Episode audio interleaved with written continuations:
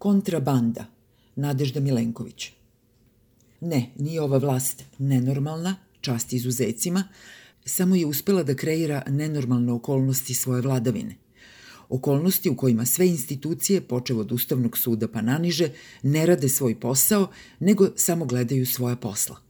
I uopšte, ključni nesporazum nas i ove vlasti nastaje iz toga što mi njene postupke tumačimo sa stanovišta kako bi se ponašala neka normalna vlast, što je ista greška kao kada bismo COVID-19 tretirali kao običnu prehladu – što je ova vlast namerno i uradila, samo da bi na miru raspisala izbore i sebi i drugima prikupila potpise za njih.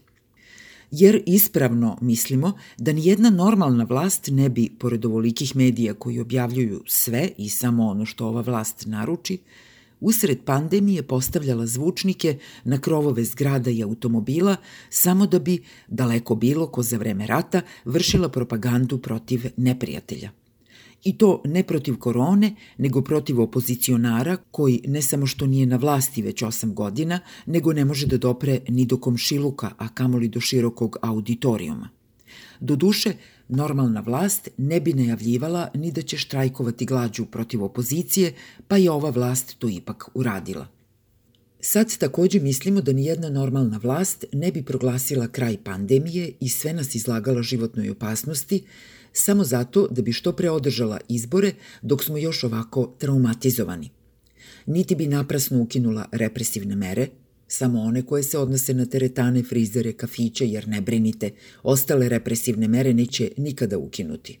Iako je situacija gora nego kad smo dobili onaj preteći SMS da se ubrzano približavamo italijanskom i španskom scenariju i da će nam sva groblja ovog sveta biti tesna.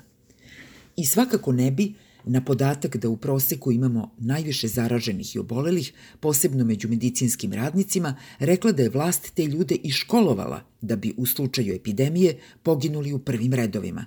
Jer niti je vlast, ni sada, ni 90-ih, kada je takođe bila na vlasti, i koga školovala, školovala ih je država koja nije isto što i vlast i roditelji, niti se iko školuje da bi ginuo, čak ni vojnici – koji se školuju da bi branili domovinu, kao što se lekari školuju da bi lečili.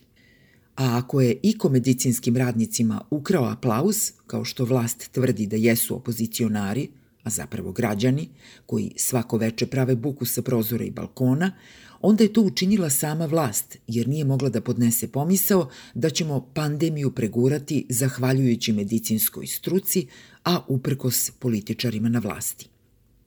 I ne radi vlast te nenormalne stvari zato što je nenormalna, već zato što je frustrirana. Njihova frustracija je u tome što su jednom već izgubili vlast, bilo kao radikali, SPS ili DOS, i što, iako se ponašaju kao budale, znaju da će se to ponovo desiti. A desit će se ne samo zato što sve rade kontra od normalne vlasti, već zato što su banda.